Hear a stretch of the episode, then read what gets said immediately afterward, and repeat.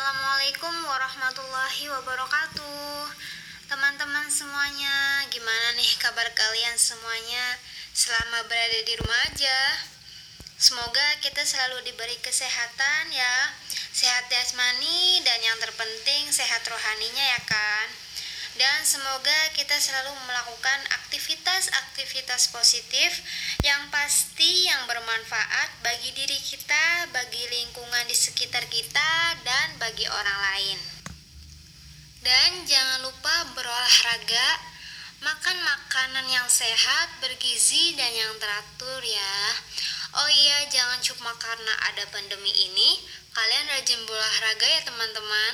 Tetapi setelah pandemi selesai juga, nantinya kita itu harus rajin-rajin berolahraga loh, agar sehat, agar meningkatkan kekebalan tubuh. Begitu teman-teman. Teman-teman berhubungan aku baru pertama kali nih bikin podcast, jadi kalian wajib dengerin nih ya. Bercanda kok.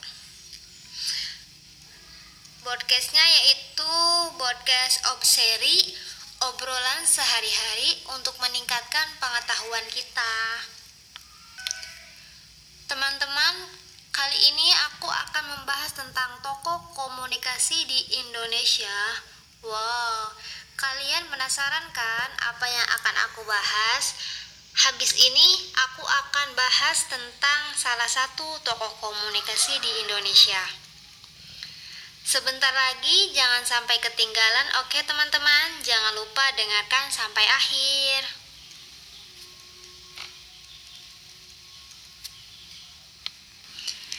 Hai teman-teman, kita lanjut yuk ke pokok pembahasan.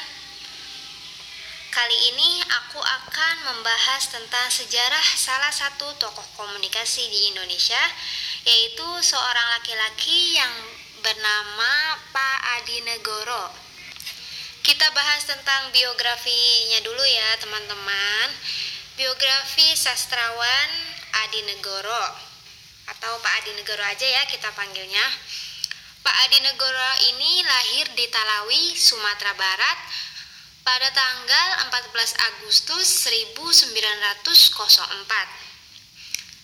Nama aslinya ini, nama asli Pak Adi Negoro ini sebenarnya bukan Pak Adi Negoro teman-teman, melainkan Jamaluddin gelar Datuk Majo Sultan.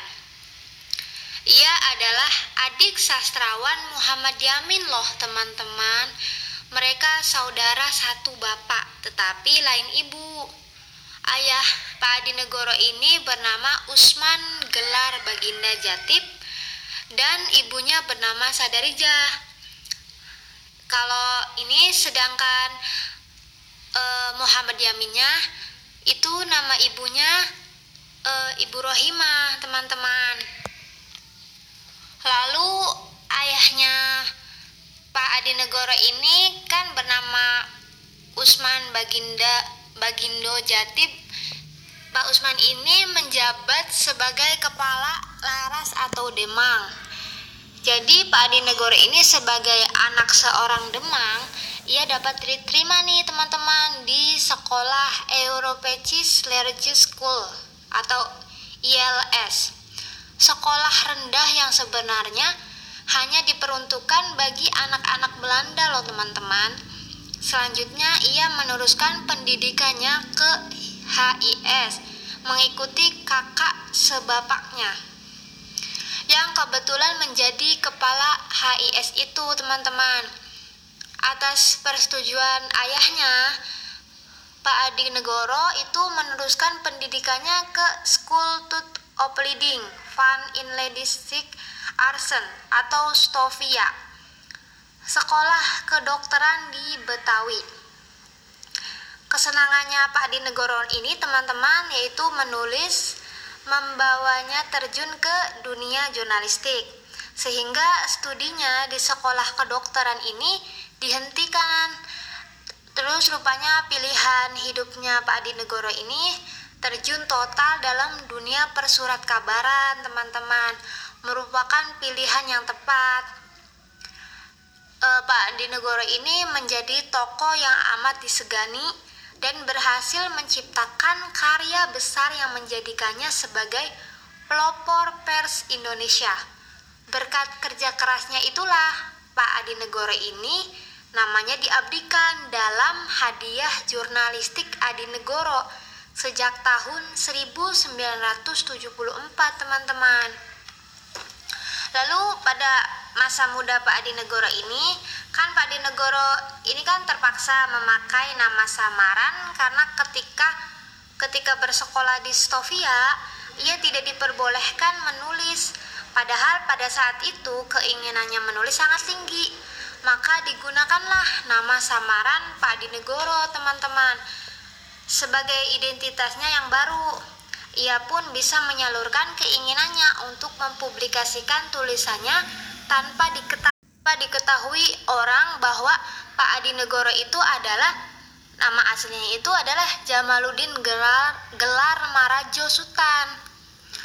Jadi Pak Adi Negoro ini terpaksa gitu menggunakan nama samarannya. Oleh karena itulah nama Adi Negoro sebagai sastrawan lebih terkenal daripada nama aslinya itu yang Jamaluddin Gelar Marajo Sultan. Pak Adi Negoro ini sempat mengenyam pendidikannya selama empat tahun di Berlin, Jerman. Ia mengalami masalah jurnalistik di sana. Selain itu, ia juga mempelajari kartografi, geografi politik, geografi, politik, dan geopolitik. Tentu saja teman-teman, pengalaman belajar di Jerman itu sangat banyak pengalamannya Pak Adi Negoro ini lalu menambah pengetahuan dan wawasannya, terutama di bidang jurnalistik, teman-teman. Pak Adi Negoro ini memang lebih dikenal sebagai wartawan daripada sastrawan. Ia memulai Pak Adi Negoro ini memulai karirnya sebagai wartawan di majalah Caya Hindia sebagai pembantu tetap. Setiap minggu Pak Adi Negoro ini menulis artikel teman-teman tentang masalah luar negeri di majalah tersebut. Ketika, ketika Pak Adi Negoro ini belajar di luar negeri pada tahun 1926 sampai 1930, Pak Adi Negoro ini menyambi menjadi wartawan bebas pada surat kabar Pewarta Deli, Medan, Bintang Timur, dan Panji Pustaka Batavia. Setelah kembali ke tanah air, eh, Pak Adi Negoro ini memimpin majalah Panji Pustaka pada tahun 1931, teman-teman. Akan tetapi ia tidak bertahan lama di di sana di tanah airnya. Hanya enam bulan atau setengah tahun. Sesudah itu ia memimpin surat kabar pewarta Delhi di Medan pada tahun 1932 sampai 1942. Pak Adi Negoro juga pernah memimpin Sumatera Simbun selama dua tahun loh teman-teman. Kemudian bersama e, memimpin Sumatera Simbun ini Pak Adi Negoro bersama Profesor Dr. Supomo. Ia memimpin majalah Mimbar Indonesia pada tahun 1948 sampai 1950 teman-teman selanjutnya Pak Adi Negoro ini memimpin yayasan juga Yayasan Pers Biro Indonesia pada tahun 1951 terakhir Pak Adi Negoro ini bekerja di kantor berita nasional kemudian menjadi LKBM Antara Sampai akhir hayatnya, Pak Adi Negoro ini mengabdi di kantor berita tersebut, teman-teman. Lalu Pak Adi Negoro juga ikut mendirikan perguruan tinggi jurnalistik di Jakarta dan Fakultas Publistik dan Jurnalistik Universitas Pajajaran. Pak Adi Negoro juga pernah menjadi Teju Sangiin, semacam Dewan Rakyat yang dibentuk Jepang pada tahun 1942 sampai 1945. E, anggota Dewan Perancang Nasional anggota MPRS, ketua Dewan Komisaris. Lalu di sini ada karyanya. Karya sastrawan Pak Negoro ini yang pertama itu novel. Novelnya yang pertama dirilis yaitu novel yang berjudul Darah Muda Batavia Centrum Balai Pustaka pada tahun 1931. Dan yang kedua ada Asmara Jaya Batavia Centrum Balai Pustaka 1932 hampir berdekatan ya teman-teman lalu yang ketiganya novel ketiganya itu yang berjudul yang berjudul melawat ke barat Jakarta Balai Pustaka pada tahun 1950 teman-teman. Lalu karya selanjutnya yaitu ada cerita pendek yang berjudul yang pertama Bayati Eskopior Varia nomor 278 tahun ke-6 1961 dan yang kedua ada Etsuko Varia no 278 tahun ke-6 1961 lalu yang ketiga lukisan rumah kami Jaja no 83 tahun ke-2 1963 dan yang cerita pendek yang terakhir yaitu nyanyian bulan April Varia nomor 293 tahun ke-6 1963 Oh ya teman-teman. E, dua buah novel karya Pak Hadi Negoro ini e, berhasil terkenal keduanya dibuat pada tahun yang bersamaan tadi teman-teman. Yang membuat nama namanya Pak Adi Negoro ini sejajar dengan nama-nama novelis besar Indonesia lainnya teman-teman Novel yang pertama yaitu Asmara Jaya dan yang kedua Darah Muda.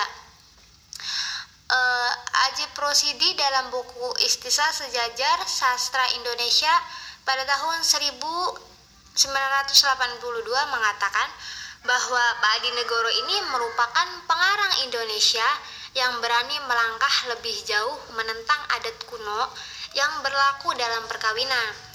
Dalam kedua romanya, Pak Adi Negoro ini juga bukan hanya menentang adat kuno tersebut, teman-teman, melainkan juga dengan berani memenangkan pihak kaum muda yang menentang adat kuno itu yang dijalankan oleh pihak kaum tua.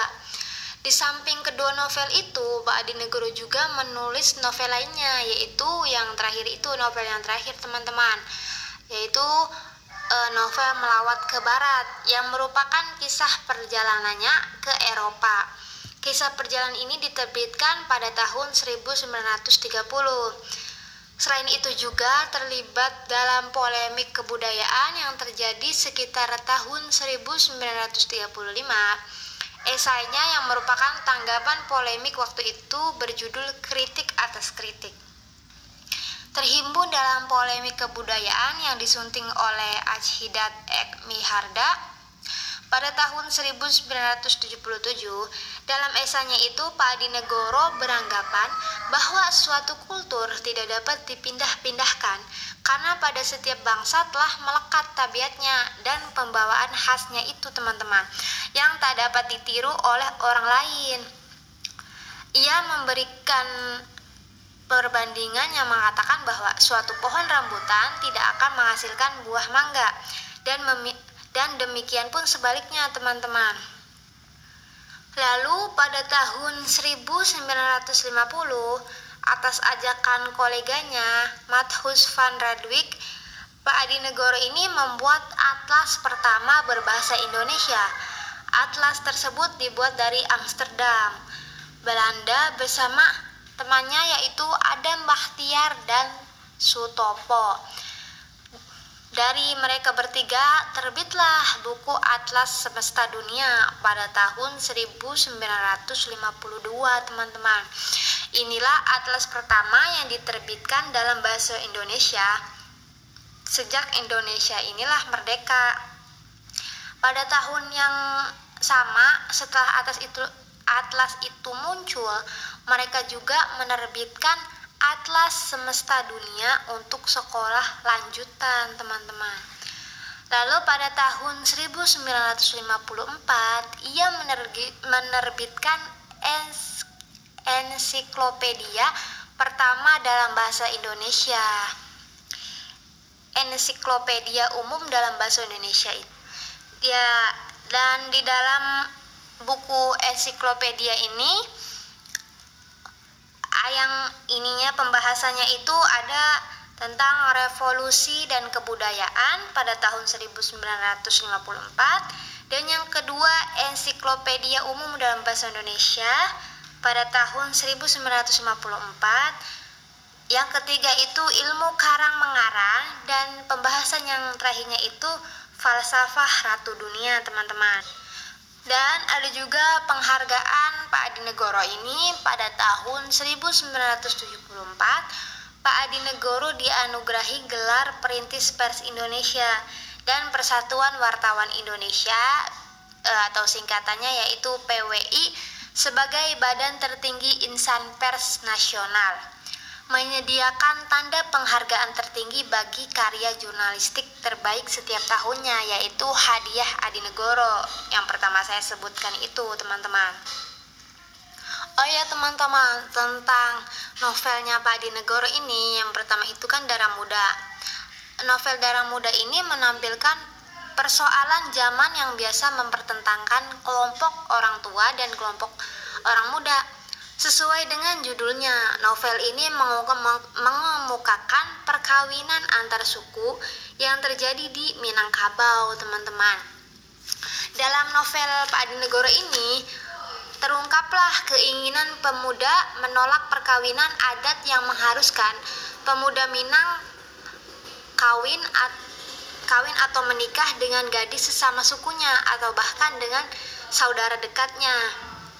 Lalu novel yang kedua itu kan Asmara Jaya, yaitu memperlihatkan tema yang sama, yakni kemenangan orang muda atas orang tua dalam menentukan jodoh Novel ini juga mengentah, mengentengahkan perkawinan antar suku yang berlangsung di Bandung. Meskipun orang tua si pemuda ini sengaja membawakan untuknya, membawakan seorang gadis sesuku, se sebandungnya sama-sama gitu.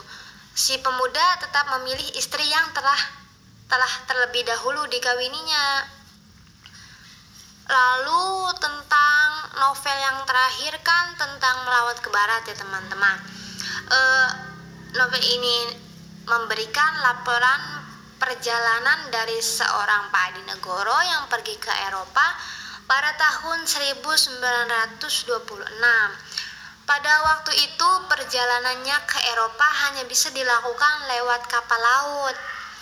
Belum ada pesawat terbang waktu dulu ya teman-teman waktu dulu kan belum ada pesawat terbang jadi pakainya kapal laut dan perjalanannya menempuh waktu dan perjalanannya menempuh waktu tak kurang dari tiga minggu tujuan akhir Pak Adi Negoro ini sebenarnya adalah Jerman teman-teman. Namun di tengah jalan Pak Adi Negoro ini memutuskan untuk turun di Prancis untuk bisa mengunjungi sejumlah kota di sana yaitu ceritanya tentang melawat ke barat jilid satu. Itu cerita di atas itu melawat ke barat jilid satu kemudian pergilah Pak Adi Negoro ini ke Belanda dengan menggunakan kereta dan menyusuri sejumlah kota di Belgia dan Belanda. Sebelum sampai pada tujuannya Pak Adi Negoro ini akhir di Jerman di Jerman melawat ke barat jilid duanya.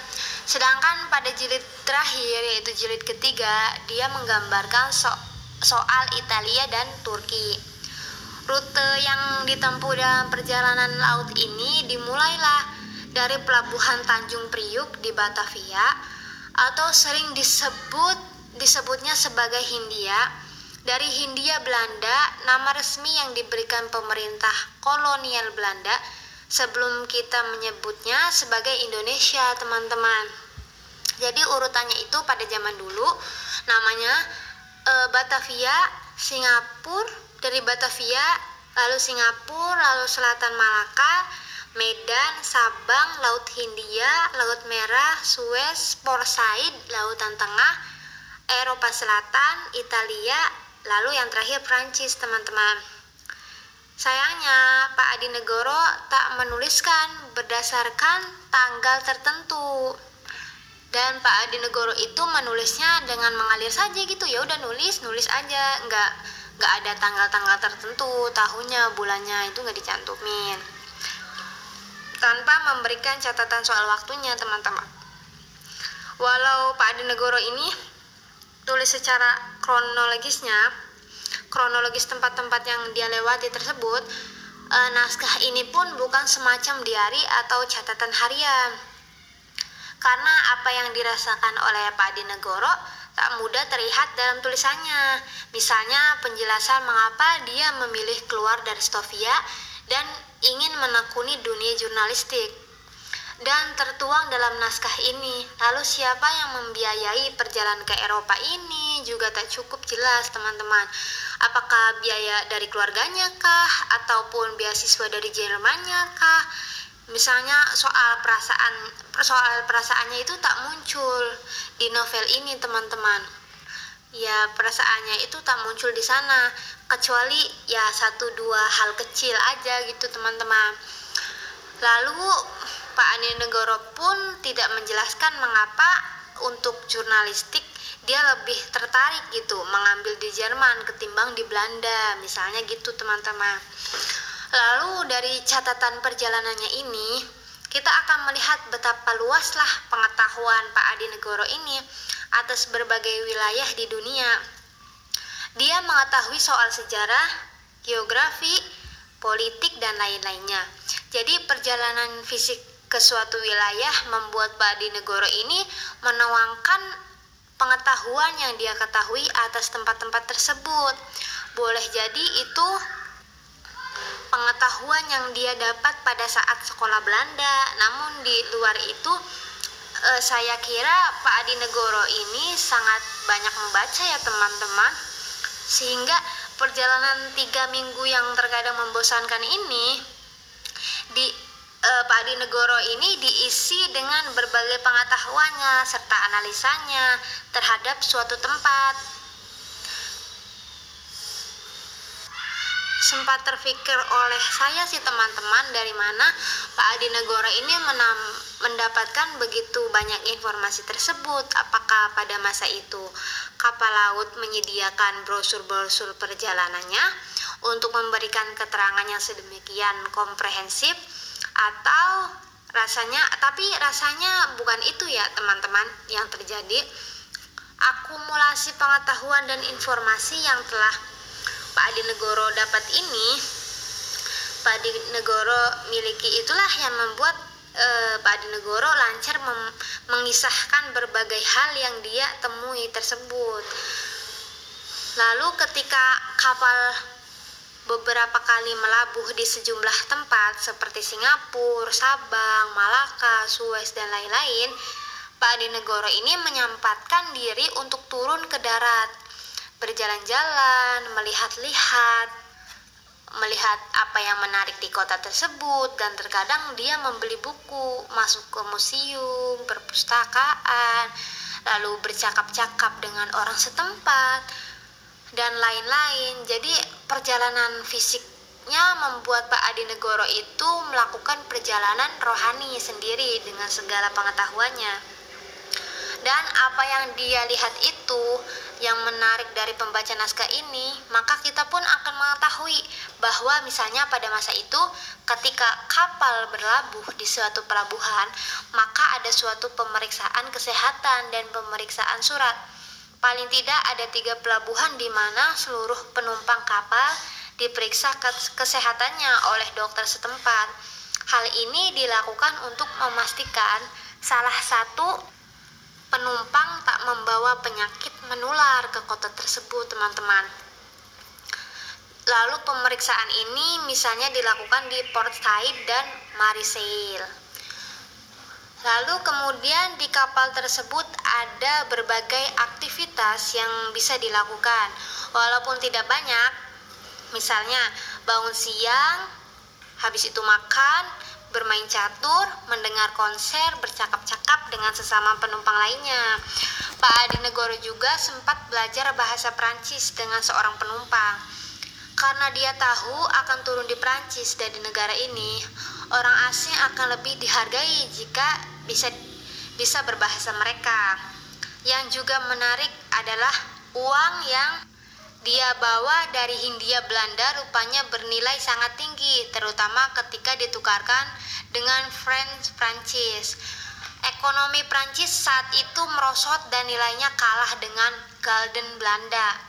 Lalu Pak Adi Negoro itu mencatat bahwa satu rupiah yang dia bawa bernilai sama dengan 20 francs teman-teman. Dan itu artinya dia bisa makan enak dan mewah di Prancis dengan harga yang murah teman-teman. Lalu soal perbedaan budaya yang ada di antara mereka ya di antara masyarakat timur dan barat tercemin dalam beberapa bagian tulisan ini. Dia sebagai orang berkulit coklat tidak sehitam penduduk asal Afrika yang banyak ada di Prancis. Misalnya, cukup mengagetkan sejumlah pengunjung restoran di Prancis karena warna kulit yang berbeda dengan kebanyakan orang di sana. Bahkan ada orang, ada seorang anak kecil yang duduk dengan mejanya kaget setelah setengah mati melihat wajahnya. Pak Adi Negoro tak menyebutkan bagaimana perasaan terhadap kondisi itu, tetapi dia hanya menyebutkan hal tersebut dalam paparannya, termasuk bahwa dia memberikan tips yang cukup besar kepada pelayan berkulit putih di restoran tersebut. Lalu dalam diri Pak Adi Negoro sendiri itu dia mengakui bahwa awalnya dia memiliki informasi terbatas tentang masyarakat Eropa di mana dia mengira Eropa itu adalah satu. Kenyataannya, Pak Dinegoro ini melihat bahwa antar bangsa di Eropa memiliki berbeda besar, yaitu bangsa Belanda, Inggris, Prancis, Jerman, Spanyol, Italia, Portugis, Yunani, dan lain-lainnya. Dari sini juga Pak Adi Negoro merasakan Eropa itu mirip dengan Hindia yang berbeda-beda antara orang Jawa, Sumatera, Padang atau Batak, Manado, Ambon, dan lain-lainnya. Lalu pada periode yang kurang lebih sama, seorang wartawan juga di Indonesia lainnya, ada Abdul Rifai juga menulis kisah perjalanannya ke Eropa yang kurang lebih sama uh, Abdul Rifai ini tahun 1871 sampai 1933 saat setelah lulus dari Stovia menjadi dokter di Medan. Dia ingin studi lebih lanjut soal kedokteran di Belanda pada tahun 1890-an. Tetapi dia tidak diterima karena ijazahnya dianggap tidak setara dengan ijazah di Belanda. Karena gemas, e, dengan kondisi diskriminasi itu Abdul Rifai lalu banyak menulis bagi sejumlah surat kabar seperti Bintang Hindia, Bendera, Walanda, Perwarta Walanda, OSDN West, Legitman Handelbed di Amsterdam. Tulisan tersebut dimuat dalam buku Staden Indonesia di Eropa kumpulan karang-karangan Dr. Abdul Rifai, redaktur Bintang Timur di Eropa di Eropa dari November tahun 1926 sampai bulan Mei 1928. Lalu buku ini tak cukup jelas kapan persisnya terbit pertama kali. Boleh jadi pada tahun 1930-an dengan kata pengantar dari para harapan namun naskah yang saya miliki adalah edisi penerbit kembali buku ini ya pada tahun 2000 oleh penerbit kepustakaan populer Gramedia. Jika Pak Adi Negoro menuliskan perjalanannya, maka Pak Abdul Abdul Rifa ini menuliskan kisah heroiknya para mahasiswa Indonesia yang tergabung dalam Insij Verening yang kemudian berubah menjadi Perhimpunan Indonesia perkumpulan mahasiswa Indonesia yang berani mempropagandakan kemerdekaan Indonesia di tanah Belanda. Para mahasiswa ini di antaranya adalah Muhammad Hatta, sempat diadili oleh pengadilan Belanda yang mencurigai kelompok ini terkait dengan pemberontakan komunis tahun 1926 di Hindia. Namun akhirnya mereka terbebas setelah dibela oleh seorang pengacara sosialis Belanda. Buku-buku ini penting dalam khas pers Indonesia. Pen penting untuk diterbitkan kembali loh teman-teman diperbincangkan sehingga jurnalistik masa kini pun akan paham jejak para jurnalis pionir di Indonesia sejak dulu dan pengambil manfaat dari apa yang telah dituliskan dengan segala keterbatasan dan kelebihannya yang mereka miliki saat itu. Buku melawat ke barat juga termasuk yang perlu diterbitkan kembali mengikuti sejumlah buku lainnya yang juga telah terbit seperti buku Pak Abdul Rifai ini atau juga karya Mokhtar Lubis catatan perang Korea atau tulisan Pak Ojong atas perang Eropa dan perang Pasifik. Oke, sekian dulu ya teman-teman untuk kali ini podcastnya. Uh, semoga bermanfaat ya teman-teman semuanya. Dadah, sampai jumpa. Wassalamualaikum warahmatullahi wabarakatuh.